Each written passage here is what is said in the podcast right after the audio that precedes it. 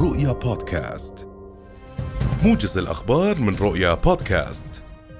قال عضو لجنة الزراعة والمياه النيابية موسى هنطش إن أبرز تحد يواجه قطاع المياه في الأردن هو الفاقد المائي المتمثل بالاعتداءات المتكررة على خطوط المياه وحفر الآبار بشكل مخالف مبينا أن الفاقد المائي يشكل 50% هنطش وفي حديثه لرؤيا اليوم أبدأ تخوفه من أن تطال الاعتداءات مشروع الناقل الوطني مشددا على ضرورة إيجاد حل جذري لها مشيرا إلى أن هذا المشروع الذي يعتمد على تحلية مياه خليج العقبة سيزود المحافظات كافة بالمياه العذبة وبالتالي إنهاء مشكلة نقص المياه في الأردن.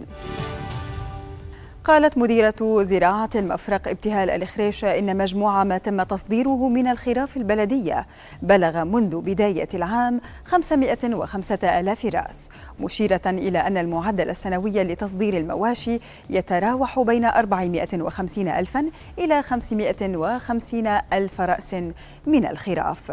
وأكدت الإخريشة لرؤيا اليوم أن وزارة الزراعة توازن بين احتياجات السوق المحلية والتصدير حتى لا تتأثر أسعار اللحوم.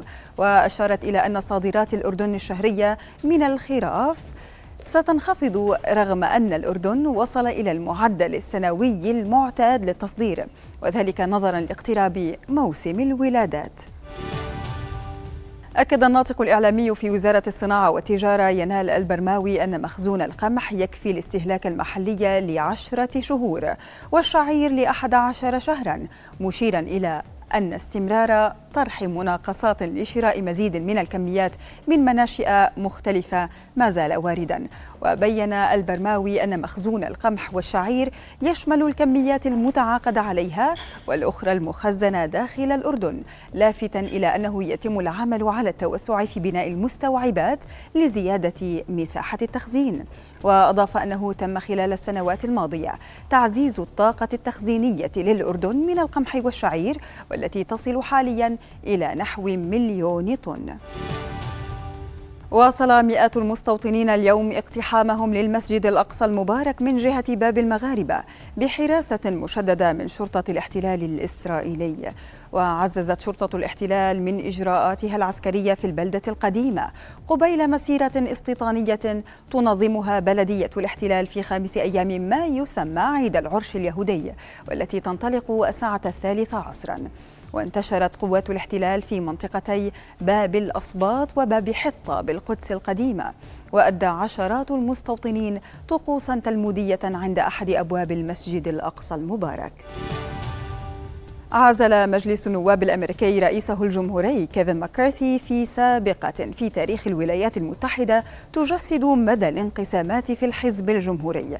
وللمرة الأولى في تاريخه صوت مجلس النواب بأغلبية 216 صوتا مقابل 210 أصوات لصالح مذكرة طرحها الجناح المتشدد في الحزب الجمهوري تنص على اعتبار منصب رئيس مجلس النواب شاغرا. وصوت ثمانية نواب جمهوريين إلى جانب الأقلية الديمقراطية في مجلس النواب لصالح عزل الرئيس الذي أثار حفيظة الجناح اليميني المتشدد في حزبه عندما تعاون مع الديمقراطيين لتمرير اتفاق مؤقت بشأن الموازنة لتجنب الإغلاق الحكومي. لقي ما لا يقل عن عشرين شخصا مصرعهم بينهم طفلان جراء سقوط حافلة مساء أمس من جسر في مدينة البندقية شمال إيطاليا ووفق أجهزة الإطفاء. اشتعلت النيران في الحافلة بعدما سقطت من الجسر الذي يربط بين منطقتي ميستري ومارغيرا ووصف رئيس بلدية المنطقة التي سقطت فيها الحافلة المشهد في موقع التحطم بأنه مروع.